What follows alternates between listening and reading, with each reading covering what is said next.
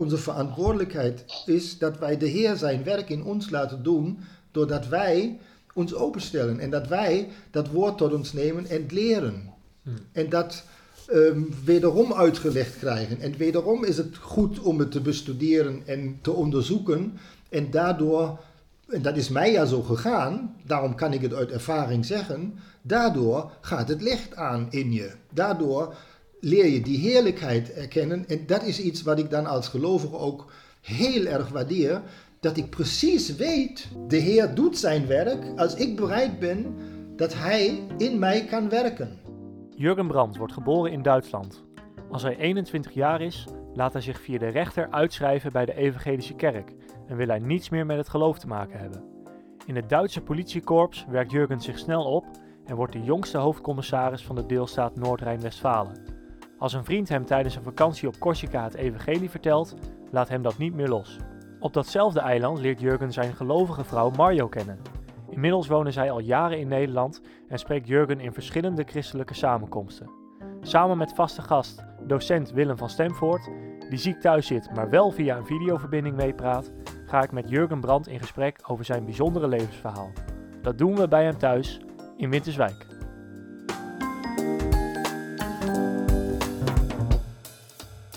Je hebt niet altijd in Winterswijk gewoond. Je bent ook niet in Nederland geboren, volgens mij. nee. Kun je daar iets over vertellen? Ja, ik ben eh, geboren 8 augustus 1953 in Grevenbroich. Grevenbroich is een stad bij de Kreis Neuss, wat ligt eh, aan de linkerkant van de Rijn tegenover Düsseldorf. Daar ben ik geboren. En toen ik ben een tweeling, ik heb een tweelingzus.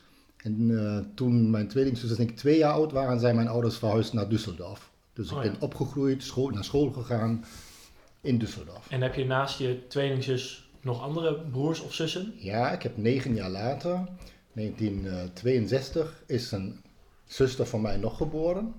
Maar die is met 34 jaar overleden. Mijn vader was een simpele arbeider. Of anders gezegd, die heeft eh, dakdekker geleerd bij het bedrijf, of in het bedrijf van zijn vader, dus van mijn opa. Maar zoals het vaak is, vader en zoon, dat klikte niet zo. En mijn vader is dus dan ook ehm 1955 uit dat bedrijf gestapt en is naar Düsseldorf verhuisd. En is daar als, eh, in een staalwerk, als machineborer, is die gaan werken. Hm. Heeft heel veel gewerkt, of moeten werken, want was dan na de oorlog, opbouw. Ehm, ja, een tweelings, eh, kinderen als tweeling thuis. Mijn moeder was niet, eh, had geen, eh, geen werk, die bleef als huisvrouw thuis. En mijn, mijn vader heeft dan eh, ploegendienst moeten draaien. En ik ken hem alleen maar als degene die als die ochtenddienst had, vroege dienst had, kwam die smiddags even eten. Maakte even op de tafel met het hoofd op de tafel eh, een half uurtje een middagsdutje. En dan ging die ehm, in een dakdekkersbedrijf nog een eh, laterdienst doen om geld voor de familie te Ja. verdienen. Dus hij had verder niet zoveel tijd voor. Nee, ik heb, als ik het zo mag zeggen, ik heb geen band met mijn vader in die zin opgebouwd dat ik eh, van hem iets ken wat voor mij eh, liefde uitdrukt, bijvoorbeeld. Mijn vader heeft mij nooit een keer eh, in de arm genomen of zo. Je moeder wel. Mijn moeder wel, ja. ja. En ben je eigenlijk gelovig opgevoed? Speelt het geloof een rol? Geloof speelde een kleine rol. Mijn vader was katholiek van oorsprong, komt uit een katholieke familie. Mijn moeder evangelisch. En in Duitsland heb je staatskerk. Hè, twee richtingen. Je bent of katholiek of evangelisch of niks. En de staatskerk betekent dat je, als je gedoopt bent, dat je automatisch lid van de kerk bent. En als je dan volwassen bent en je gaat werken, betaal je ook belasting, kerkbelasting Tiende. aan de staat. Of eh, was Nou nee, dus een percentage van je, van je salaris wordt automatisch ingehouden voor de kerk waar jij lid van bent. Hmm. Nou, Je moet aangeven, ben je evangelisch, ben je katholisch. En eh, automatisch weet men dan, je bent eh, lid van een kerk. En dan krijg je van je salaris geld afgenomen. Hmm. Maar wat het opvoeden betreft met geloof, eh, daardoor dat mijn vader katholiek was en mijn moeder evangelisch, en zij dan getrouwd waren, werd mijn vader excommuniceerd. Werd hij uit de kerk verstoten. Dat was toen zo. Je mocht als katholiek alleen maar met een katholische vrouw trouwen en niet met een protestant, protestantse, met een evangelische. Oké. Dus dat was voor mijn vader het moment. Ik wil met kerk en met, eh, met geloof. Nou ja, wij weten dat kerk en geloof twee verschillende dingen kunnen zijn, of zeker ook zin zijn. Ik heb mijn vader niet als gelovige beleefd. Ook niet eh, in de zin van een katholiek uh, religieuze man, heb ik niet ke leren kennen. En mijn moeder um, beweerde altijd dat zij evangelisch is, uh, ging niet naar de kerk. Ik heb ook thuis geen Bijbel gezien bij mijn ouders. Want jullie zijn ook niet, toen jij jong was, naar de kerk geweest, dat je kunt herinneren? Of dat nee, wel? Ja, dat is een ander verhaal. Mijn, uh, mijn oma, want Karin, mijn zuster en ik als tweeling, uh, toen mijn ouders nog de eerste twee jaar in Griffenbroog woonden, daar was Karin, de, mijn zuster, bij mijn moeder en ik was bij mijn oma. Dus ik herinner me later meer aan mijn oma, want die heeft altijd gezegd, die jongen die is van mij en dat meisje dat mag uh, dus mijn moeder. de eerste twee jaar woonde je niet bij je ouders? Nou ja, wel in hetzelfde huis, maar mijn moeder woonde boven en mijn oma beneden. Oh, zo. Okay. En uh, zodoende ben ik eigenlijk altijd bij mijn oma geweest. Mijn oma was de moeder van mijn moeder. Ook evangelisch. Wat betekent het in Duitsland om evangelisch te zijn? Nou ja, je hebt de protestantse kerk. En daar ben je lid van. En daar wordt ook elke zondag een dienst georganiseerd. En je wordt als evangelische met 12, 13 jaar geconfirmeerd. En daardoor word je automatisch lid van de kerk. Wat bij de katholieken de communie is, dat is ja al met 6, 7 jaar, waar de kinderen naar de communie gaan. Gaat men met uh, um, 12, 13 jaar bij de evangelische kerk uh, naar de confirmatie. Hmm. Voor de kinderen fantastisch, want je krijgt heel veel cadeautjes en uh, ook geld. En dat was eigenlijk de, enige motivatie om daarheen te gaan. Want je moet dan, als je um, evangelisch bent, om geconfirmeerd te worden, moet je twee jaar lang voor de confirmatie uh, in de week een dag naar een les gaan. En daar herinner ik me wel aan. Mijn zuster en ik altijd naar de kerk. En uh, ik, ik, moest het uh, moet je ook zo'n zo test doen voor alle ouders die dan waren. Ja, ik moest Psalm 23 opzeggen, dus die kon ik altijd voor en achterwaarts, kon ik die uit het hoofd. En dat ik überhaupt iets met het geloof had, of met geloof in aanraking kwam, kwam door mijn oma. Mijn oma had altijd gezegd, Jurgen, je moet geloven in de Heer Jezus. En zij wou ook beslist dat mijn kinderen gedoopt worden, wel als kind. Volwassenendoop, dat kende men niet Hmm. in die zin. Maar ze was in ieder geval degene van wie ik de Bijbelverhalen uit de kinderbijbel en, um, heb leren kennen. En natuurlijk uit die twee jaar voorbereiding voor de Ja, confirmatie. want toen was je 11, 12 Dan was dan. ik twaalf, ja. En toen kreeg je elke, elke week één keer les. Ja, één keer les, mits, en daar komt weer die Jurgen die ik je misschien moet ver- ver- vertellen. Mijn tweelingzus en ik, we moesten natuurlijk samen daarheen gaan. En als het in de zomer warm was, we kregen altijd geld mee voor de collecte. Dan is mijn zuster wel daarheen gegaan, maar ik ben naar de ijssalon gegaan en, heb, eh, en heb vaak dat collectegeld aan de ijssalon gespendeerd. Dus je nam het er niet zo nauw mee. Ik nam het helemaal niet nauw mee. En het, is, het gevolg was ook dat ik met 16, 17 überhaupt niets meer met, eh, met kerk, met geloof van doen wilde hebben. Wat heb je uit die twee jaar, wat, wat leerden ze daar dan? Wat kreeg je dan voor les? Nou ja, je had een les in die zin dat men de Bijbelverhalen uit het Oude Testament verteld heeft. Geen verklaring of geen uitleg. Het ging alleen maar erom dat je wist, aha, daar heb je de zonvloed van Noach. En, en op een manier waar je als kind, eigenlijk ben je nog kind geweest, dat kon verstaan wat daar gebeurd was. Maar alleen maar de geschiedenis op, zich, op zich. Een profetische betekenis of iets wat daarmee uitgedrukt wordt, eh, dat was mij allemaal vreemd. Dat kende ik. Ja, maar, maar je had wel een goede band met je oma, Ja. die gelovig was. Waarom Ja. ben je dan als 16-jarige, waarom heb je toen gezegd, ik wil er niks meer mee te maken hebben? Nou ja, omdat ik in mijn omgeving geen enkele gelovige had. Hm. Mijn oma woonde in Griffenbroek. Dat was dus toen vijf, ja, was 25 kilometer weg. Eh, vroeger met de bus of zo was je daar wel nog bijna een uur op weg om daarheen te komen.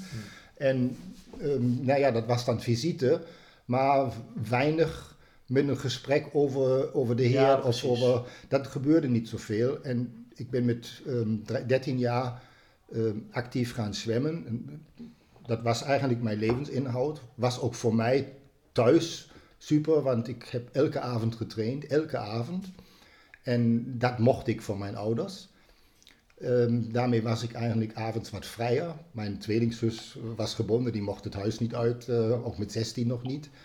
Nou ja, eh, mijn trainer, die zwemtrainer, die was politieman, ook ongelovig. Dat is niemand. Daar, was, daar ging het nooit over Ook het geen geloof. vrienden die Ook geen waren. vrienden. Komt later wel, maar daar was het niet zo. Eh, mijn trainer was politieman. uh, in een wat hogere functie. En die heeft mij beloofd dat als ik uh, na afsluiting van de school, als ik dan naar de politie kom, dat ik daar echt uh, in een sportcompagnie kwam en kan, kon zwemmen als zwemmer, wed wedstrijdzwemmer. En dat was de motivatie dat ik naar de politie gegaan ben, met ja. 17,5 jaar. En toen ben je de politieacademie gaan doen? Nou, nog niet. Bij de, in Duitsland heb je, of had je in ieder geval, een eenheidsloopbaan. Dus als je naar de politie ging, moest je van klein af, van klein af als politieagent, uh, hoofdagent, en dan kon je, kon je omhoog werken, zeg maar. Maar iedereen moest op straat beginnen. Vind ik ook vandaag nog een goede, een goede basis om het, het werk te leren kennen. En ook als later als iemand die verantwoordelijkheid draagt voor nou, honderden of duizend mensen, um, dat je weet wat zich eigenlijk afspeelt op de, op de werkvloer. En zodoende ben ik ook als straatagent begonnen. In de opleiding, de eerste drie jaar, was het inderdaad zo dat ik uh, in een trainingscamp kwam, in de zomer op, op camp was, um, ontzettend veel voordelen had, ander eten, uh, ja, bepaalde, bepaalde dingen in de mobiele eenheid hoefde ik niet mee te doen, zo objectbescherming. De politie moest ook de huizen van de bondspresident en van, uh, van politicussen beschermen, dag en nacht. Dat hoefde ik niet, want ik was in de sportcompagnie met, met vier andere zwemmers, ja. met drie andere zwemmers. Want heb je dat zwemmen ook toen daadwerkelijk op, op uh, professioneel niveau gedaan of op jawel, hoog niveau? Jawel, ik heb vrij hoog gezwommen, ja. En hoe lang heb je dat gedaan? Um, tot mijn 21ste, 22ste. Want dan ben je A, zwemopa, want de 16, 17-jarigen zwemmen je weg. En ik kwam natuurlijk dan ook in de surveillance dienst, waar je ploegendienst had, vroeg, later een nachtdienst.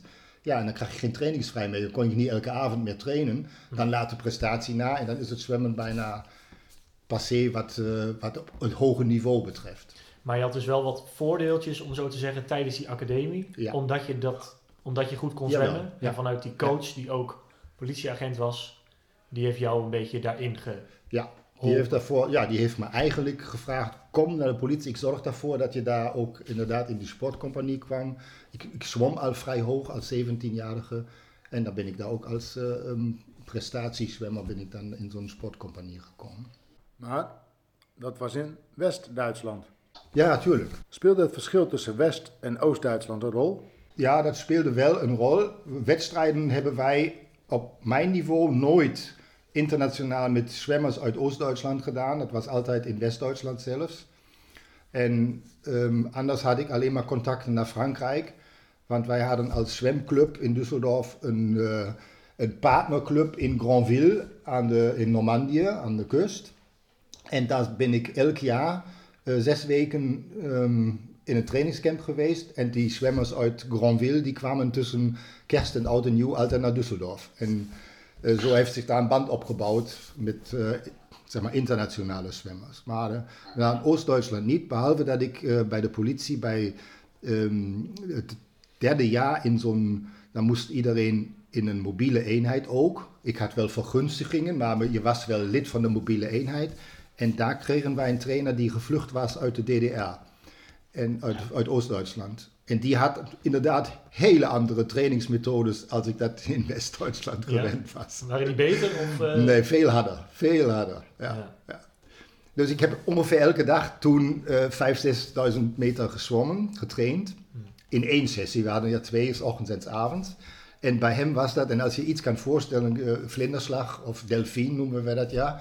Uh, dat inzwemmen was alleen maar 2000 meter, dus 2 kilometer delfien aan één stuk. Dat was inzwemmen. En dan, uh, en dan zei hij, nou jongens, en nu gaan we beginnen. En dan kwamen de intervallen en de korte sports. sports en ja, dat was uh, gigantisch. heb ik alleen maar één jaar meegemaakt, ja. Wij kennen het Vrije Westen tegenover het IJzeren Gordijn. Ervaarde jij dat je in het Vrije Westen leefde en dat de Oost-Duitsers onderdrukt werden? Daar werd natuurlijk over gesproken en je had wij hadden ja vrije televisie en konden zien wat uh, in Oost-Duitsland gebeurde en welke toespraken Ulbricht bijvoorbeeld als de minister-president daar in de DDR, um, de staatspresident, wat hij wat zei. En um, die vluchtpogingen die van daaruit ehm, ge- ge- gebeurd zijn, die kwamen natuurlijk in West-Duitsland allemaal in het nieuws en op de televisie. En daar waren wij wel op de hoogte, heel duidelijk zelfs. En heel veel, ook uit mijn kennissen en, eh, en vriendenkring, die hadden ook, hoe dan ook, een tante of eh, een, een verwante, eh, iemand die, een familielid die in Oost-Duitsland leefde. Of in Berlijn of ergens in Cottbus of in andere steden die toen nog allemaal DDR waren. Had jij dat ook? Nee. Niet? Nee. Jouw hele familie woonde in West-Duitsland woonde in West-Duitsland, alhoewel mijn moeder is geboren in, in Breslau, wat tegenwoordig Wrocław is, in wat nu Polen is, was ja vroeger Duitsland.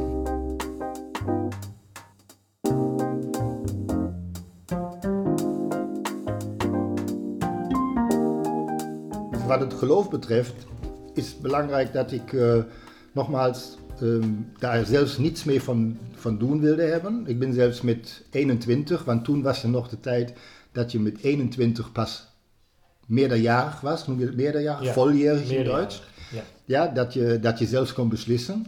En als je uit die staatskerk uit wilt, dan moet je naar de rechter gaan. Je moet je officieel via een ambtsgericht, via een rechter, moet je je laten uitschrijven. En dan hoef je geen belasting meer te betalen. Dat was voor mij de reden, ik laat me uitschrijven. Met 21 ben ik dus als altijd waar je gevraagd wordt, hoe heet je, waar woon je, welke confessie heb je, dan moest ik zeggen evangelisch. En ik moest ook van mijn salaris kerkbelasting betalen. Maar dat ik daar niks mee van doen wilde hebben, omdat ik daar niets mee van doen wilde hebben, heb ik me natuurlijk via de rechter laten uitschrijven en had dan ook geen kerkelijke achtergrond meer. Ehm, juridisch in ieder geval Ja. niet.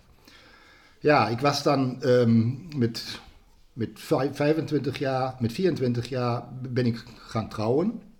Met een zwemster die ik over de zwemclub had, had leren kennen. Uit het huwelijk zijn ehm, twee kinderen gekomen, Nadine en Yvonne. Wij zijn gescheiden. Ja. Ehm, toen mijn, mijn kinderen ehm, zes en zeven jaar oud waren, zes en zeven en een half. Mijn huwelijk is kapot gegaan. En dat, ik vertel het alleen maar omdat ehm, dieptepunten in mijn leven kende ik tot dat moment niet. Het ging mij voor de wind. Daar kwam de eerste nederlaag. Zo, zo heb ik het beschouwd. Ik ben het huis uitgegaan. Dus je bent zes jaar getrouwd geweest ongeveer. Ja, zeven jaar. Het was eigenlijk zo dat alles wat ik gedaan heb, zij het in het zwemsport. ehm, ik zei net in het begin dat ik van mijn vader nooit toeneiging heb ervaren. Maar ehm, de pokalen die ik mee naar huis gebracht heb en de oorkondes en de medailles. Ja, als dan thuis visite was, dan Jurgen, kom maar en laat maar zien. En dan moest ik natuurlijk in. En dat was, was het moment hoe ik toeneiging ervaren heb, of eh, toespraak, daardoor dat ik prestatie geleverd had. Daar was je vader dan wel trots op. Daar was hij dan wel trots op, maar heeft het mij tegenover nooit vertoond. Hij heeft het aan, gezegd, de, eh, hij heeft aan de Jurgen- anderen dat vertoond, aan, Nee. de, aan de gasten en aan de mensen die in huis waren. Hij kwam, hij ook nooit kijken als jij Nee, moest zwemmen? Nee, mijn ouders hebben nooit een zwemwedstrijd voor mij bezocht. Nog geen één. Nog niet één. Nee. Terwijl je heel veel gewonnen hebt. Ja, ja. Maar ik kan me best voorstellen dat dat frustrerend is. Of Dat je- is frustrerend, maar het was zo en eigenlijk heb ik daar niet zoveel last van. De last heb ik daarvan dat, ehm, ja, dat niet als ik een keer naar huis kwam, mijn vader gezegd heeft, hé hey jongen, heb je goed gemaakt of zo. Of ik, of ik ben trots op jou. Dat, dat, dat, dat wel. En dat heeft mij eh, gevormd dat ik geprobeerd heb altijd door prestatie of door goede prestatie ook herkenning te vinden van andere mensen. Ja, ja, je dacht eigenlijk van als ik, als ik maar Als ik mijn best doe en als ik daarboven ben, dan is het goed. zo hoog mogelijk opwerk, Ja. dan zijn mensen blij met me. Ja, zo is het. Toen je gescheiden was, ben je dus op jezelf gaan wonen. Ja. En wanneer ben je toen weer in aanraking gekomen met het geloof? Was dat pas weer veel later? Nee, dat was niet zoveel later.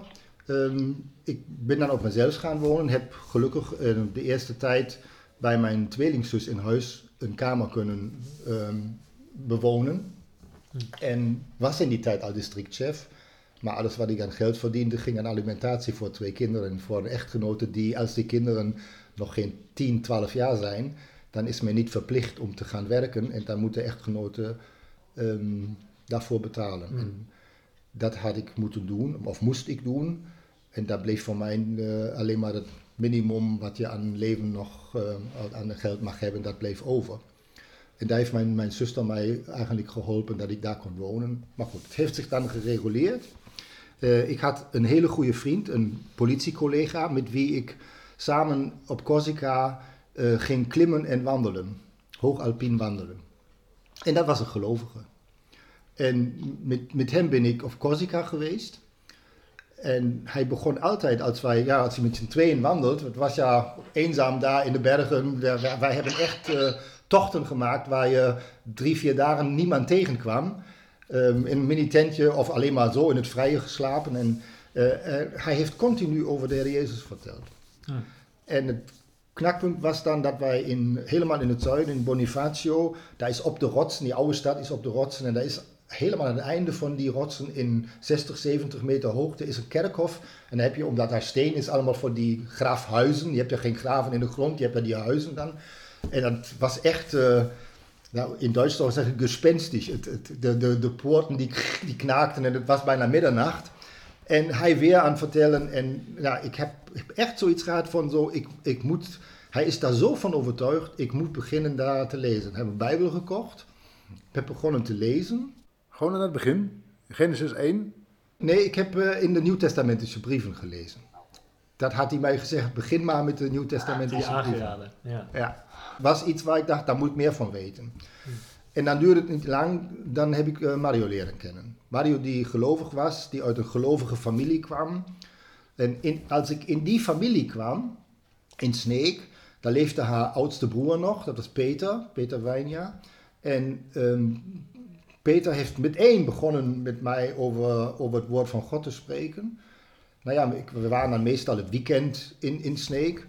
En ik kan me nauwelijks een weekend herinneren waar ik niet nachten door bij Peter in uh, de kamer gezeten heb en, wij, um, en hij mij uitlegde hmm. hoe het in elkaar steekt. Maar ja, dat was het begin van mijn geloofsloopbaan. Zeg ja. maar. maar was je dan eerst niet, toen die vriend waar je mee op Corsica was, ja. was je dan eerst niet uh, boos? Want je hoort ook heel vaak mensen Nee. die een negatieve reactie Nee. krijgen als ze Nee. het geloof gepresenteerd Nee, krijgen. was helemaal niet, was helemaal niet eh, eh, boos. Ik kan me goed herinneren dat ik ehm, ook zelfs verder gevraagd heb of eh, hem vragen gesteld heb. En, en hij ook ehm, wel, hij was van oorsprong katholiek, maar hij was wel zo overtuigd daarvan. Opstanding uit de doden en de Heer Jezus die voor je zorgt en dat je ook een toekomst in hem hebt. En dat, dat, dat heeft hij mij alles verteld. En Um, het is echt zo geweest dat ik de jaren daarvoor, waar ik met geloof niets van doen wilde hebben, ik heb me met alles bezig gehouden. Met, uh, ik was eigenlijk uh, bijna um, socialistisch, communistisch. Ik heb de internationale gezongen als ik wat te veel gedronken had. En voor mij was dat allemaal zo erg linksgericht. Um, arbeiderlieders meegezongen en ik wou met niks wat van doen hebben. Nou ja, en dat keerde zich compleet om. Maar hoe, hoe dan? Nou ja, door mijn, door het, A, dat ik die familie leerde kennen. En Ja. ik dan daar, als wij het weekend daar waren, ook. ehm, zij, zij waren lid van de, in ieder geval Marius ouders. eh, van de Baptistenkerk, Vrije Baptisten. Daar ben ik dan zondags ook mee in de dienst geweest. Ehm, ik ben ook daar gedoopt, heb me laten dopen. Op een gegeven moment had ik, eh, ben ik naar die dominee gegaan, zo, zomaar. Gezegd, ik, eh, ik wil me laten dopen. Hm. Ja, dat, dat ging natuurlijk ook. En dan hebben ze mij gedoopt, of heeft hij mij gedoopt daar. En ehm, Peter was in, dit, in die tijd al niet meer in, de, in een georganiseerde kerk. Die was bevriend met Ab bijvoorbeeld. Die had eh, ehm, ook ehm, bijbelstudies gegeven. Eh, hij had het hele, de hele zolder vol met, met bandjes van, van de bijbelstudies van Ab. En heeft me ook met Ab in aanraking gebracht. Ik weet dat ik hem daar bij Peter een keer thuis ontmoet heeft, heb. En dan kwam, ik was in die tussentijd dan ook al getrouwd met Mario. Eh, dan kwam de tijd waar ik naar eh, Nederland verhuisd ben, dat was 1989. Mhm. En dan hebben wij hier iets gezocht waar wij als gelovigen ehm, naartoe konden gaan. Zijn hier in een vrije evangelische gemeente gestapt. Vonden we leuk. Wij, Simone werd geboren en later met de kinderen was dat een paar jaar was dat ook fijn. Ehm, met name daarom was het fijn. Maar eh, in die tussentijd heb ik wel al de contactdagen in het Harde bezocht, die er toen nog in het Harde waren. En Ab die sprak in die tijd in Vromshoop over ehm, verhandelingen in handelingen. Daar ben ik met een kennis hier uit Winterswijk, waar ik nu bevriend mee ben, en met een, met een broeder. Daar ben ik eh, elke vrijdag, of om de twee weken vrijdags naar Vromshoop gegaan. Nou ja, en zo begon het. En dan begon ik steeds meer te leren. En dat heeft dan daartoe geleid dat in deze vrij evangelische gemeente hier, dat daar woensdagavond bijbelstudies waren, zogenoemde bijbelstudies. Soms onder het motto en iedereen heeft iets. En dan, uh, ja, dan uh, praten we erover. En dat ging zo ver dat in die bijbelstudies, die zogenoemde bijbelstudies, dingen gezegd werden waar ik gezegd heb, nee dat klopt niet, dat staat niet zo in de Bijbel. En het cruciale moment was dat ik dan met een van de oudsten, die mij mee naar huis nam in de auto, dat ik die tegenover gezegd heb, hey, uh, wat daar vanavond gezegd wordt, dit klopt niet. Hm. Kun je een voorbeeld noemen van wat er dan gezegd werd? Uh, het, ging, het ging over de drie-eenheid. Um, dat klopt niet. En dan heeft hij mij gezegd, ja Jurgen, dat weet ik, maar als we dat de mensen zeggen, dan lopen ze weg. Hmm. Ja, en dat was voor mij weer het cruciale punt om te zeggen, dan wil ik daar niks mee van doen hebben. En dan um, was dat nog niet zo. Um, ze hadden mij ook, om, omdat ik toch in deze avonden um, iets medegedeeld heb, hoe ik het uit de schrift heb, heb gezien. En dat vonden ze dan toch ten dele interessant en vroegen mij of ik niet voor de, voor de jeugd jeugdbijbelstudie wilde geven. Ja, want even terug, want toen je Mario leerde kennen, toen ben je dus in Sneek naar een gemeente geweest. Ja, maar alleen maar als we daar op visite bij oma ja. uh, waren en, de familie. En daarna ben je eigenlijk zelf gaan zoeken, kwam je ja. bij verschillende Ja, ja wij allebei. We woonden ja dan hier in Winterswijk. In Winterswijk. En hebben we gezocht waar kunnen wij hier ergens naar een, naar een gemeente gaan. Ja, en toen op een gegeven moment werd jij gevraagd, omdat je zo kritisch was, misschien? Ja, misschien wel, maar misschien hebben ze ook gezien dat ik dan toch dat een of andere wist over hetgeen wat in het woord stond. Maar dat heb je dan best wel snel gedaan. Dat je, Ja, dat was, uh, kijk, die, die tijd waar ik Mario leerde kennen, dat was 87. 1987. 89 zijn wij naar Winterswijk gegaan. Uh, 90 werd onze dochter geboren. En 91, 92 waren we in deze groep, maar daar had ik van 87 aan, waar ik ja Peter al leerde kennen, mm -hmm. daar had ik al begonnen om uh, bijna dagelijks te, te, lezen en te studeren. Had je daar de, met Bijbel lezen en daar alles van leren, had je eigenlijk diezelfde mentaliteit als wat je met je werk had en met je sport? Um, nee. Niet, niet in de zin, ik moet de beste worden of zo. Nee, ook maar, niet, maar ook niet van, ik moet alles weten?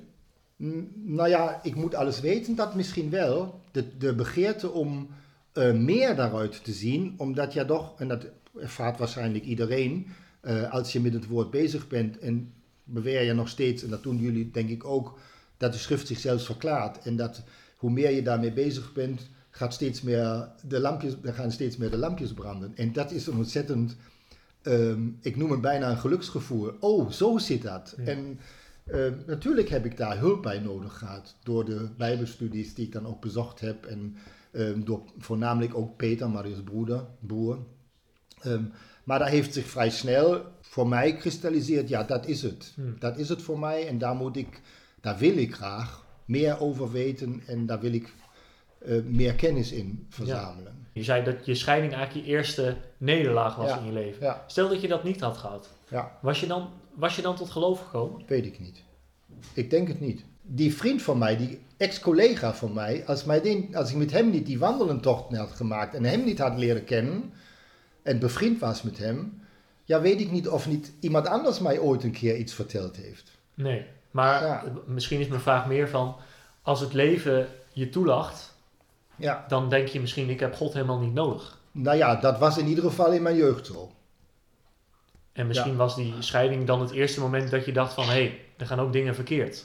Of was, had je dat niet zo dat je toen nee, dacht van... Nee, dat had ik toen niet.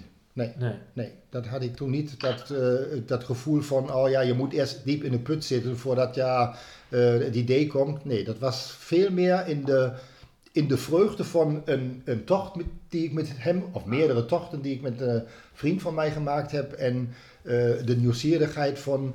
Um, ja, daar wil ik meer over weten. Om, omdat zijn enthousiasme uh, mij aangestoken heeft. Ja. Zo, zo, wil ik het noemen. Vind je dat christenen meer over hun geloof zouden moeten vertellen?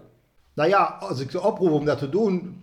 Um, het is zeker wat mij betreft een methode geweest om mij nieuwsgierig te maken om uh, die stap te gaan doen. Om te zeggen, ik bekeer me.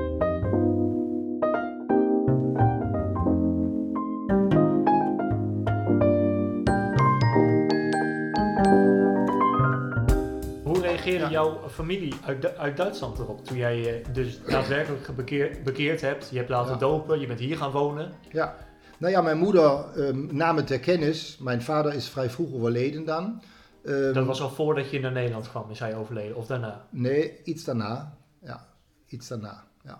En je moeder, wat, wat vond die ervan? Die, ja, die, daar kon ik wat over vertellen en ehm, zij reageerde niet op. Mijn moeder was iemand die als zij of het niet eens was of ze kon niet meepraten, dan zat hij bijna stom voor je Hm. en nikte alleen maar en zei niks. En dan kon ik vragen stellen, maar dan zei ze niks. Hm. En dan, na, na een tijdje waar ik zeg, ja, ja weet je hoe, dat de Heer Jezus daar echt opgestaan is, dat hij ook terugkomt, dan, ja. Maar er, geen gesprek, absoluut geen gesprek. Kon je, je Dus daar kon de, ik het niet de vreugde die je had, kon je daar niet kwijt. Nee, nee, En eh, bij je tweelingzus? ook niet. Nee.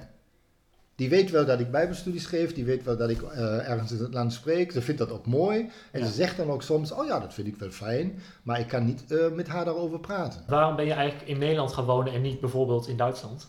Dat is liefde. Je hebt een tijd als districtchef gewerkt en dat heb je ook, ben je blijven doen toen je in Nederland ging wonen. Ja, ja, toen ik na, ja, dat was dan nog in Woepertaal. Maar Mario die kwam naar Woepertaal wonen, toen, we zijn ook daar getrouwd. Maar die heeft zich na een half jaar zo onwel gevoeld. Ja. Ehm, de Duitse mentaliteit, in een, ze werkte in een ziekenhuis en daar in het ziekenhuis met herdokter en eh, eh, sie en afstand en hiërarchie, dat was voor haar niet, niet bijzonder leuk. En dat was toen echt nog extreem. Nou ja, ze had ook heimwee naar huis en eh, uiteindelijk heb ik eh, met de toenmalige president van, de politie, van het politiekorps heb ik dan eh, eh, gezegd, ik moet hier weg. Ik wil in richting grens. En die wou mij eigenlijk eerst niet laten gaan, maar dan zei hij, ja, kan ik eigenlijk niet doen. Ik eh, zorg daarvoor. Is hij naar de minister gegaan en heeft gezegd, die brand die moet aan de grens ergens in een korps. Hm. En dan ben ik plaatsvervangend korpschef hier in de regio Borken geworden. Oh ja. En dat was de, was de, de makkelijkste stap. Dat was ehm 89, 1989, waar net de grenzen open gingen door het Schengen-contract. En waar eh, het ook mogelijk was dat je als Duitse politieman ook in België, in Nederland of in Luxemburg of waar kon gaan wonen. Behalve in de hoogste diensten. En ik was al in de hoogste diensten. En daar ben ik met een uitzondering van de minister van Binnenlandse Zaken, heb ik een toestemming gekregen om eh, in het buitenland te wonen. Hm. En dat was van, van hieruit ongeveer een half uur naar, de, naar het korps of naar het hoofdbureau van het korps. Ervaar je daar ook Gods leiding in?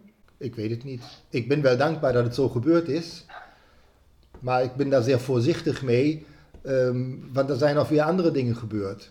Kijk, ik was, ik was eh, eh, plaatsvervangend korpschef. En in Duitsland is dat zo, als je korpschef wordt, dan ben je 50. eh, 55. Dat zijn zo de laatste jaren van jouw, van jouw eh, dienstelijke loopbaan. Ik was hier plaatsvervangend korpschef, was nog net geen 40. En met eh 40 ben ik korpschef geworden. Was ik de jongste korpschef in, in heel de deelstaat Noord-Rijn-Westfalen. Het was ja echt het hoogtepunt Dat- van de, ja. Eh, wat ik kan doen. Dat, dat wilde je eigenlijk al altijd worden. Nou ja, nou, dat is niet zo. Dat, dat ik het altijd wilde worden, dat was me eigenlijk toen al te hoog gegrepen. Want, want dat wist ik niet of ik daarheen zou komen. Maar is, in de loop van de stappen is het natuurlijk zo. Dan ben je dan eh, raad, oberraad, director. Dan wil je ook leidende director. Dan wil je echt aan de top komen. Ja. Ehm, En het is me ook makkelijk toegeschoven worden, moet ik zeggen. Hm. Wil niet zeggen dat ik niet ook goed werk geleverd heb. Nee. Maar er hoort toch ook bij dat je de juiste kennissen hebt en de vuurspraak hebt. Dat is nu eenmaal zo in, in, deze, in deze functies. Maar dat had ik wel. En zo ben ik daar vrij jong korpschef geworden, director geworden. Van 93 heb ik tot eind de jaren 90 als korpschef hier gewerkt. Dan ben ik in het kader van atoomtransporten die hier gelopen zijn, van het brennelementen zwischenlager in Ahaus, dat hoorde bij mijn regio, was een object wat ook van politie beschermd moest worden. Eh, daar heb ik demonstraties geleid, een grote demonstratie, tien jaar Tsjernobyl was een reuze demonstratie hier, waar ik de verantwoordelijkheid voor had.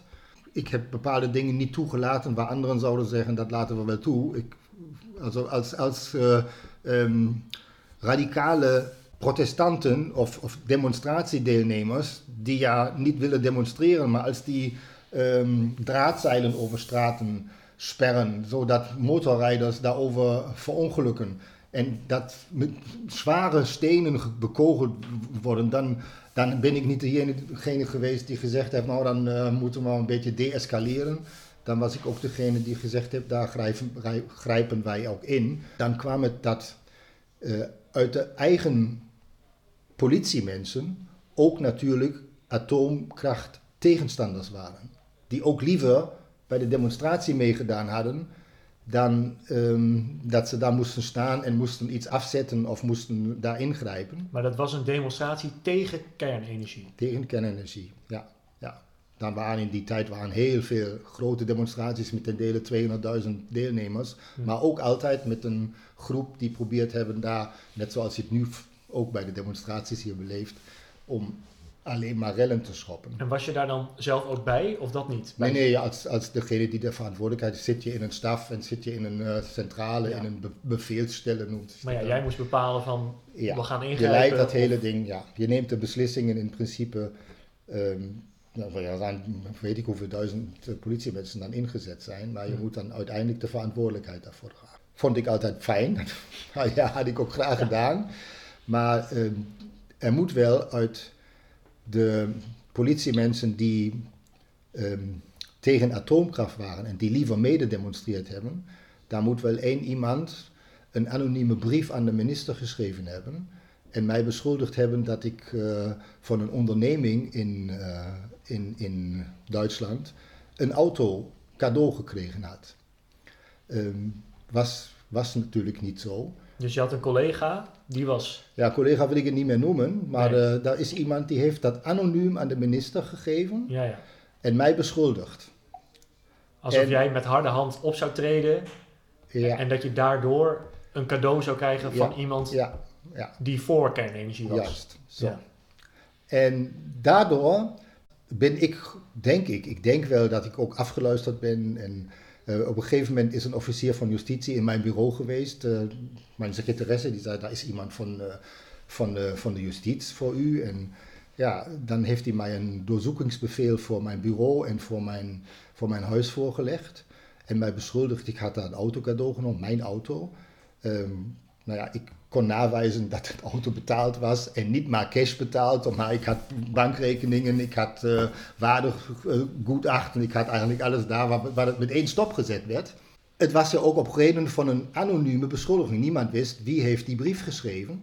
Het gevolg daarvan was dat de politiek, en toen hadden wij een rood-groene, dus links-groene regering, die wilden niet dat het in het openbaar bekend wordt. Korpschef van Borken was beschuldigd en um, het gevolg daarvan was dat de minister naar mij toe kwam en gezegd heeft, uh, u gaat weg uit het korps en u krijgt meer salaris en u gaat naar de regering in Münster en dan gaat u daar werken. Want wij willen niet dat daar in, in de regio waar je verantwoordelijk voor bent, dat daar in het openbaar publiceerd wordt wat daar gelopen is. We weten wel dat je niks gedaan hebt, maar daarvoor daar val je dan weer nog een trapje hoger. Oké. Okay. Terwijl dus ik eigenlijk al korpschef was. Geluk van een ongeluk eigenlijk. Ja, eigenlijk wel. Was het niet dat ik gezegd heb, nee, doe ik niet. Nee? nee. nee. Waarom niet?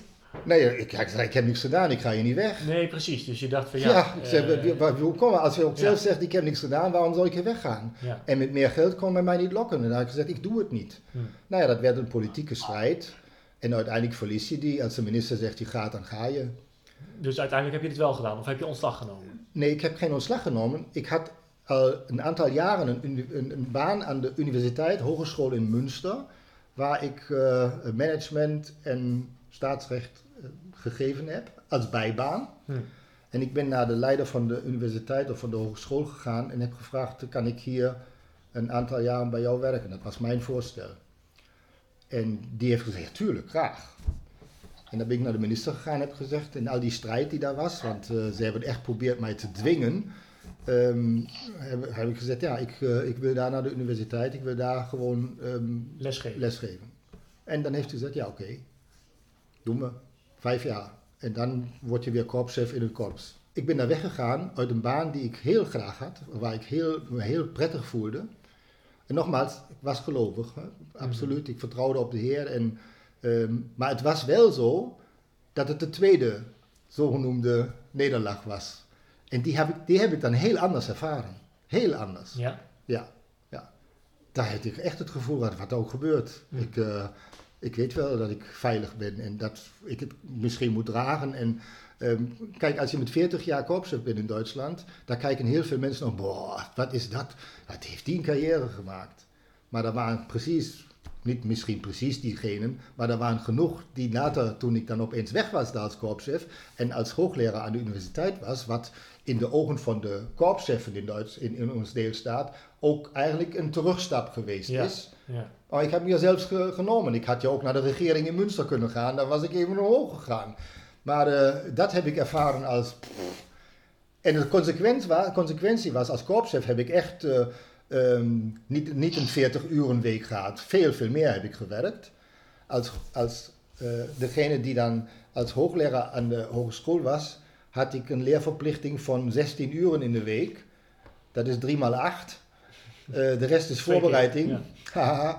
Ehm, dinsdag, dinsdag, woensdag, donderdag universiteit. De rest thuis.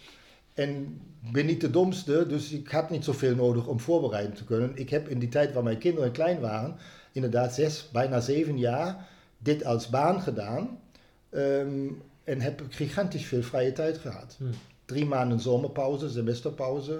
Tussen, Ja, Willem, kan, Willem kan erover meepraten. eh, ja, eh, een extra toeslag voor hoogleraarschap. Dus ik verdiende nog meer, meer geld als als Maar hoe kon je eigenlijk hoogleraar zijn? Heb je daar een extra Ik heb daarvoor gestudeerd, voor ja. gevolgd? Ja, Gewoon rechten, zeg maar. Ja, ja. In, de, in je- de studie voor de hoogste politiebanen zit een aantal semesters van juridische studie bij. En als je dan een soort kwalificatie nog doet, dan krijg je dat hoogleraarschap en dan kan je ook, eh, je bent zelfs bevoegd tot het rechterambt. Dan waren we die vijf jaar om. Je had nog lang doorgekund en ook, je moest ook nog wel even door. Met Ja, ik moest nog door. Toen was het nog dat je met 60 eh, gepensioneerd wordt of in, in, eh, ja, stopt. Het werd dan later verhoogd op 62. Maar ik ben dan na die, dat waren zes jaar, iets meer dan zes jaar aan de hogeschool, ben ik dan, ehm, eh, heb ik dan gezegd, nou ja, ik heb de belofte dus gekregen van de minister dat ik weer korpschef word in het korps. Is dat ook schriftelijk een soort van vastgelegd of zo? Ja, dat was het leuke. Dat ik de enige ben in het hele land die gezegd heeft, ik wil dat schriftelijk hebben. En, en ik had dat ook schriftelijk gekregen. Doen ze nooit meer. Want op het moment waar ik gezegd heb, eh, ik wil nu daar worden, ja, dan was het, eh, ja, we hebben op het moment niets vrij. En daar waar u heen wilt, daar komt iemand die is op het moment in de Kosovo en die moeten wij ook verzorgen. Die komt terug en die was eh, leidinggevende in, in het Kosovo als, als politiechef. En die komt terug en die hebben wij beloofd dat die ook korpschef wordt en dan moet u wachten. Ja, ja. Ja, ja. Maar ja, jij, ik- had, jij gaf in de tussen les in de rechten. Dus ja, jij ja, wist ik wel je zeg, stond. ik- u hebt het me wel beloofd. En dat was dan de staatssecretaris. Ja, zegt hij, meneer Brandt, eh, u gaat als districtchef nog even in het Ruhrgebied. En zodra dan een ander korps vrij is, wat nog dichter bij uw woonplaats ligt, dan, eh, en dan heb ik gezegd, doe ik, maar ik wil het op papier hebben. En dat hebben ze dan ook gedaan. En na twee jaar was ik in het Ruhrgebied, was ik daar in een heel groot eh, korps, was ik districtchef. Dus was ik niet de enige. Daar waren er twee districtchefs en nog een korpschef. Dus ik was daar in de tweede lijn.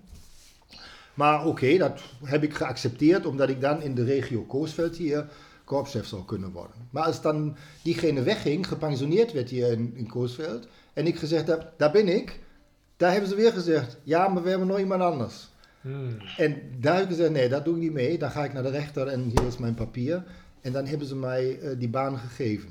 Toch wel. Toch wel? Dat Ja, ja, bij de rechter natuurlijk. afgedwongen. Ja, nee, niet via de rechter. Oh. Ik heb alleen maar gedreigd dat, Ja, ik, dat precies. ik dat niet zo pik en dat ik dan eh, die, die stappen zou ondernemen. En dan heeft de staatssecretaris gezegd, oh ja oké, dan krijgt u die baan. Maar mijn verhouding naar het ministerie als korpschef was niet zo gelukkig. Geen lekkere binnenkomen dan. Was geen lekkere binnenkomen. Nee. In het korps zelf wel prima. Heb ik me ook goed gevoeld, heb ik ook graag gewerkt. Tot mijn, eh, mijn 62ste. De verhouding naar het ministerie was iets kritisch. Ik ben vaker gecontroleerd van eh, de politiek dan, Hmm. dan anderen misschien. Maar Ja. so what? Maar dat ja, vond je, ik niet je, erg. je merkt dus eigenlijk wel hoe hoger je komt, hoe Ja. meer mensen er ook eigenlijk aan je stoelpoten Dat zagen is zo. in die zin. Ja, dat is, is eh, ehm, hoge bomen vangen veel Ja, wind, zeg ja, maar. ja, hier. ja. Dat is ook zo.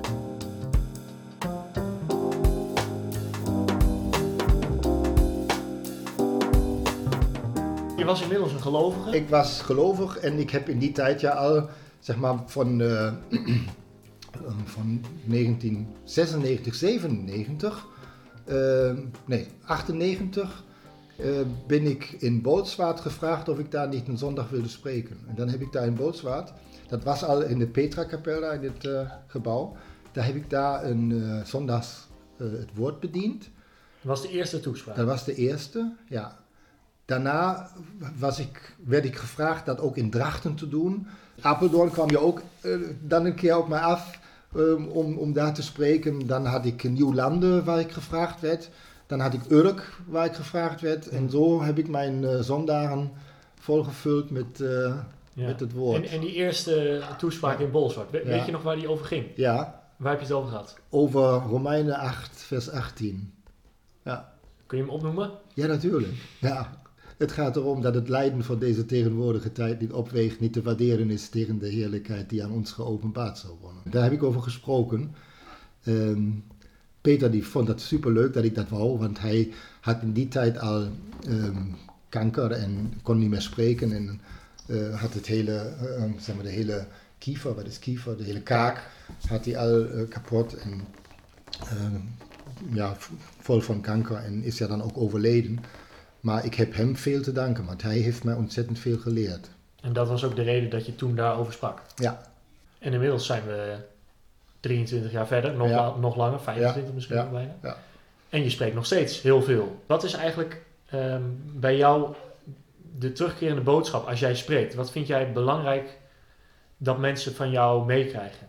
Ja, op zich is het belangrijkste voor mij dat de mensen meekrijgen dat, ehm, daar waar ik afgelopen zondag nog over gesproken heb, dat de Bijbel niet eh, een, een, eh, een samenstelling van losse verhaaltjes is die eh, van mensen bedacht zijn en die daar, ehm, maar dat ze zich inderdaad zelfs verklaart, dat het het woord Gods is en dat die eh, zijn plan openbaard heeft. En dat je die niet zo, als je zegt, nou ja, dan begin ik maar, je vroeg het net, ben je bij Genesis, Genesis begonnen, dat je niet kan zeggen, nou, ik begin bij bladzijde 1 en ik eindig bij bladzijde 1100 nog iets eh, in openbaring. Ja, dat levert niks op. Je moet wel onder, op onderzoek gaan. En dat is ook hetgene wat ik ja onder behulp van P en zeker van Ab en de bandjes die ik van Ab had eh, eh, gedaan heb. Want ik, ik heb ze bijna allemaal geluisterd, denk ik, en uitgeschreven. Daarom Ehm, mijn aantekeningen die ik tegenwoordig nog heb, die komen allemaal nog uit die tijd. En als ik me voorbereid of iets, ja, dan neem ik mijn oude aantekeningen en dan eh, kijk ik daarna. En dan wil ik graag de, de, de, de broeders meedelen dat onze verantwoordelijkheid, juist in verband met wat ik in de kerken beleefd heb en ook in die evangelische gemeentes beleefd heb, dat die verantwoordelijkheid niet is dat wij ons best moeten doen om deze wereld te veranderen en daarvoor te zorgen dat we hier zo goede christenen zijn, maar dat onze verantwoordelijkheid is dat wij de Heer zijn werk in ons laten doen, doordat wij ons openstellen en dat wij dat woord tot ons nemen en het leren. En dat ehm, wederom uitgelegd krijgen. En wederom is het goed om het te bestuderen en te onderzoeken en daardoor en dat is mij ja zo gegaan, daarom kan ik het uit ervaring zeggen, daardoor gaat het licht aan in je. Daardoor leer je die heerlijkheid erkennen en dat is iets wat ik dan als gelovige ook heel erg waardeer, dat ik precies weet, de Heer doet zijn werk als ik bereid ben dat Hij in mij kan werken. Hm. Ja, want hier aan de muur hangt Hebreeën 11, vers 1 en 3. Ja, de definitie van geloof. Ja, geloof Ja. is nu een vaste grond, de dingen die men hoopt Ja, en een bewijs der zaken die men niet ziet. die men niet ziet of nog niet ziet. Hm. Ja, Want die Ja. toespraak waar je net over had, die heb ik Ja. geluisterd. Maar dat was eigenlijk op basis van een gesprek met een vriend. Een Ja. ongelovige vriend, Ja. vertelde je. Ja. Ja. Want die zei van ja, de Bijbel is toch maar een losse ja verzameling precies. verhalen. Ja. Ja, daarom zei ik net, daar heb ik letst Ja. zondag nog over gesproken, omdat ehm, ik herinner me heel goed aan dat gesprek. En dat is, eh, is iemand, daar kan ik het heel goed mee vinden. Een ontzettend intelligente man. Terwijl ik dan weer moet zeggen, nou ja, als je zo intelligent bent, maar dan zie je dat heeft niks met, jou, met jouw kennis van wereldse wijsheid van doen, als je, als je daarvan overtuigd bent. En dat was ik ja ook als 18-jarige. Dat er bestaat geen God en eh dat is allemaal bedacht. En eh, geef mij maar liever eh, de Mao-Bijbel of zoiets. Eh, dat was voor mij belangrijker om dat te zien. Of Griekse filosofen vond ik ook fantastisch. Moet ik allemaal lezen. En, nou ja, en tegenwoordig weet ik, ja, is leuk dat je dat weet, prima. Maar het belangrijkste is, en wat mij vormt en wat mij ook maakt wie ik ben, ja, dat is de Heer met zijn woord. Ja, want je hebt eigenlijk dus best wel lange tijd als ongelovige geleefd. Ja. En nu al een was hele- eh, tot mijn 33ste ongeveer, Ja. 32. de, helft, Ja. de helft van je leven ongeveer tot nu toe. Zo'n Ja. beetje. Maar ik ben nu 68, eh, Ja. oké. Ja, iets minder, iets minder dan de helft. Wat is, het, wat is het grootste verschil tussen het leven als ongelovige en het leven als gelovige? Nou ja, enerzijds dat streven altijd alles goed te moeten doen, heb ik helemaal niet meer. Ik doe wat ik als verantwoordelijkheid ervaar in dit aardse leven, wat mijn gezin betreft, mijn kinderen betreft, dat doe ik. Maar ik moet daar niet de beste in zijn. Ik doe het zo als ik het voor goed vind. En daarnaast, of niet daarnaast, daarboven staat dat mij mijn geloof ehm, de rust en de kracht geeft om de dingen veel, veel afstandelijker te zien dan dat vroeger het geval geweest is. Ik vind de dingen niet meer zo belangrijk. Ik vind ze interessant. Ik ben ook op de hoogte van hetgene wat gebeurt, min of meer. Maar eh, het werpt mij niet uit de baan. Of het kan mij niet omstoten in de vastigheid van die zekerheid die ik heb met mijn passie voor het woord en voor de Heer. Ja, en er zijn ook wel eens mensen die zeggen, ja, er zijn zoveel dingen waar je, waar je vreugde uit kunt halen. Hè? Ja. Wat is het verschil tussen vreugde in de zin van eh, dingen waar je goed in bent of, of die leuk zijn om te doen, en het verschil met de vreugde die je in je geloof hebt? Nou ja, kijk, ik rijd graag paard.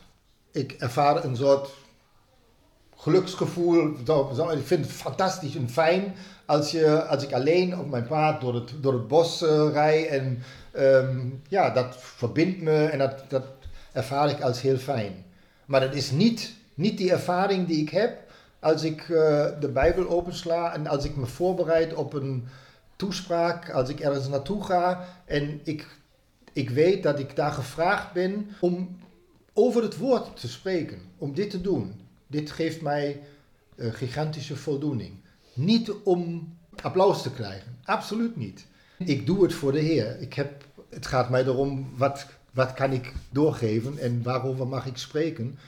En dan mag ik best wel zeggen dat soms, omdat ik ja van hieruit, je weet wat het een afstand alleen die jij nu hier naartoe gereden bent. Ja, maar eh, Drachten en eh, Beverwijk, daar ga ik ook nog heen. En dat zijn natuurlijk allemaal afstanden waar ik s morgens om, om kwart voor acht hier wegga. Dat ik om tien uur ergens kan spreken. En soms heb ik zo, oh, wat doe ik me aan? Maar zodra ik daar ben en dat, dat gevoel wat ik heb als ik weer wegga en naar huis ga, dit is onbeschrijfelijk. Dit is duidelijk meer als dat wat ik op mijn paard of eh, op de motorfiets of zo beleef.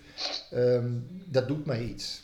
Dan ben ik, dan ben ik blij. Ja. Ja. En ook een soort, misschien wel een soort fundamentele blijheid in Ja. de zin van dat je met dingen bezig bent die eeuwig zijn in Ja. plaats van Ja. een paard. We, Ja. hadden het er net over, een paard wordt eh, 30, Ja, 35. precies. Dat, gaat, dat, dat, dat is mij heel duidelijk. Alles wat ik hier aan, aan welvaart en zo mag meemaken, en ik mag best wel zeggen, dat gaat ons goed. Ehm, als we gezond blijven, is dat, eh, is dat echt een, een, een leven waar je natuurlijk ups en downs hebt en waar zeker altijd, altijd ergens iets is. Maar wij, wij mogen allemaal, en ik sowieso niet, mag niet klagen. Maar ik ben me wel bewust ervan dat morgen anders kan zijn. Hm. Heel anders. Want je hebt ook een, je hebt ook een hartinfarct Ik gehad. heb ook een hartinfarct gehad, ja, 2015. Ja, zomaar. Ik ben nog steeds sportief, ik eh, rook niet, eh, ik drink niet boven mate, ik drink wel mijn glasje wijn, maar eh, ehm, de, de vraag is of daar een lichamelijke oorzaak voor moet zijn. Eh, ja, ik weet wel dat mijn vader aan hartinfarct gestorven is, mijn moeder, en dat het wel een erfelijke aangelegenheid is die in de familie inderdaad ehm, present was. Maar eh, ik ben daar ook niet bang voor. Absoluut niet. Nee. Nee. En eh, hoe zit dat? Hoe heb jij je, je kinderen dan opgevoed in die zin? Heb je die ook het geloof proberen bij te Ja, brengen? natuurlijk. Ja. Ja. Mijn twee oudste dochters, die in, eh, ehm, in Duitsland ja ook nog steeds leven in Duitsland, die heb ik allebei gedoopt in Bolsward. Die zijn tot geloof gekomen. Toen zij volwassen waren? Of... Nee, nee, nee, met, Als- eh, met 14, 15. Ja, precies. Maar wel Ja, ja. als bewuste keuze. Niet ja, als, ja, als nee, nee, baby. niet als kind. Nee, nee, Nee. die heb ik als, als 16, 17 zelfs Hm. ehm, gedoopt. En ehm, de drie kinderen die ik met Mario samen heb, zijn natuurlijk van ons beiden hier opgevoed. En die zijn opgevoed met de Bijbel, die weten wat ik doe. En daar zijn heel veel diepe gesprekken ook over uh, vragen die zij hebben. En Hmm. Ze zijn niet overal daarbij, omdat ze van Haarlem ook niet overal meekomen. Maar ze luisteren alle toespraken en en praten ook daarover. Sommige mensen hebben een heel, heel rationeel geloof. Dus Ja. in de zin van dat ze zeggen, eh, nou, ik weet het, het is zo en eh, ik vertrouw erop. Andere mensen zitten juist helemaal aan de emotionele kant, hè, hoe ze Mhm. ergens bij voelen. Hoe, hoe sta jij erin? Heb je meer, zou je zeggen dat je meer rationeel geloof hebt of een emotioneel geloof? Als ik over emoties spreek, wat me, wat me echt beroert, dat het zo dik in elkaar steekt, dat er geen spel tussen te krijgen is. Dat ik over bepaalde dingen die mij duidelijk worden kan janken, dat mag ik wel toegeven. Hmm. Dat heeft met emotie van doen. Maar de zwaartepunt ligt toch op het rationele, dat ik eh, de dingen lees, onderzoek, ervaar en denk, dat zo is het. En dat geeft mij ook rationaal die zekerheid. En wat ik dan belangrijk vind, is dat, ik mij, dat het mij ook eigen is. Dat ik inderdaad ook in mijn, in mijn voorstelling weet, de Heer wil dat ik aan zijn beeld gelijkvormig word in de zin van hoe hij gelooft, hoe hij het voorbeeld geeft en dat wij een, in, in het werk wat hij doet inderdaad verheerlijkt worden. Dan Bij nog- delen in zijn heerlijkheid. wij delen in die heerlijkheid van Hem. Ja. En wat, mij, wat, wat ik misschien nog wil aanvoegen is, ehm, wat mij ten voordele blijkt te zijn, vind ik in ieder geval, dat ik niet zo'n streng katholieke of evangelische achtergrond heb. Ik heb die... ehm, je hebt die- geen bagage. die- nee, nee. Die, je die dogma's en nee. die, die wetten en alles wat zo moet. En waar velen aan gebonden zijn, die ehm, bijna angst hebben iets te doen, want ze denken dat mag toch niet van de Heer. Dit heb ik niet leren kennen. Ik ben eigenlijk uit een eh, volledig heidendom in het christendom gestapt. En dat, dat eh, Ja. vind, ik, vind ik prettig. Ja. En je vertelde dat je eh, eh, het Nieuwe Testament bent gaan lezen toen je begon, toen je net christen werd. Ja. Altijd als ik je hoor spreken, spreek je eigenlijk, behalve dan de afgelopen keer sprak je over Exodus, Ja. maar vanuit het Nieuwe Testament en vanuit het nieuwe leven. ja, heel vaak. Komt dat daaruit voort? Ik denk het wel, ja. ja. Ik denk er dan over na, waar zal ik het over hebben? Dan heb ik vaak, vaak ook, dat zeg ik je ook soms, dan heb ik vaak soms voor daarvoor bijbelstudies gehad die ik elke woensdagavond dan geef in, in Aalten. Dan hebben we daar liederen gezongen en dan, dan gaan we die liederen door het hoofd en dan denk ik, oh ja, die liederen drukken zoveel uit. En dan begin ik, dan neem ik de Bijbel en dan lees ik dit en dan vergelijk ik het en dan heb ik eigenlijk al een onderwerp. En dat speelt zich dus ook vaak in het Nieuwe Testament af. Ehm, neemt niet weg dat ik in die studies die ik gedaan heb in, ehm, in, in Aalten of ook, ook hier in, in Winterswijk in, in de kring, ehm, die dan regelmatig samenkomt, dat ik eh, Hosea, eh, eh, oud-testamentische boeken ehm, besproken heb, boek Daniel en ehm, die heb ik allemaal, Zacharia, die heb ik allemaal besproken in de studies. Dus ik zou daar ook iets van kunnen nemen. Maar het komt altijd meestal, of het komt meestal in het, in het Nieuwe Testament. Ja. Ik spreek ook wel eens mensen die zeggen, ja, het is heel moeilijk om bijbelstudie te doen. Wat zou je tegen dat soort mensen zeggen? Doen. Het is niet moeilijk. Hmm. Ja, ja het, het kost tijd en het is niet moeilijk, maar vermoeiend soms. Omdat dan, ja, kijk, natuurlijk heb je computerprogramma's. Ik ben daar wel vrij ouderwets. Ik heb de concordantie nog, daar kom je niet altijd mee weg. Maar het meeste neem ik de concordantie voordat ik aan de computer ga. En dan, ehm, dan ben ik daarmee bezig en dan zoek ik het op en dan vergelijk ik het. En dan ben je toch vrij, soms tot in het vervelendste toe, bij geslachtsregisters of hoe dan ook. Dan, daar ben je dan bezig mee. En ehm, dat vind ik niet moeilijk, maar vermoeiend soms. Ja. En het kost tijd, ja. En maar dat vind ik niet erg, want die Nee. tijd heb ik ja blijkbaar. Ja, inmiddels wel. inmiddels wel. Ja. En waarom is, het, waarom is het zo belangrijk om bijbelstudie te doen? Zou je dat, kun je dat uitleggen? Ja, omdat de begeerte voor mij is om de Heer steeds meer te leren kennen. En als ik hem wil leren kennen, dan moet ik zijn woord bestuderen, want hij openbaart zich in zijn woord. En dat is de belangrijkste reden daarvoor.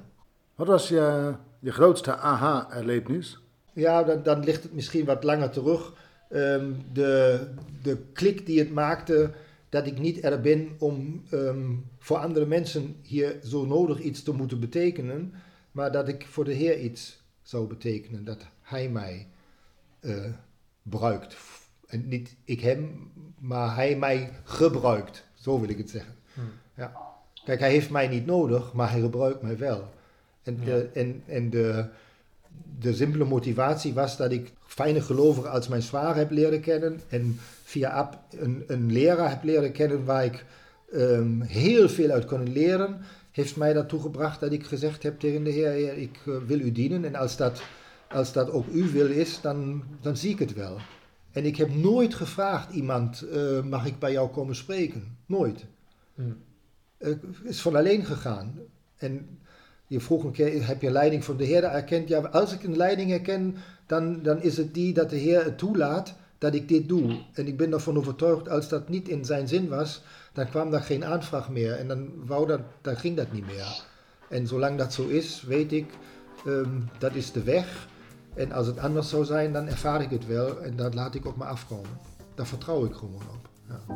Bedankt voor het luisteren. Studies van Jurgen Brandt kun je onder andere vinden op bijbelsewaarheid.nl. Maar als je zijn naam googelt, vind je nog veel meer. We zijn er snel weer met een nieuwe aflevering. Tot dan.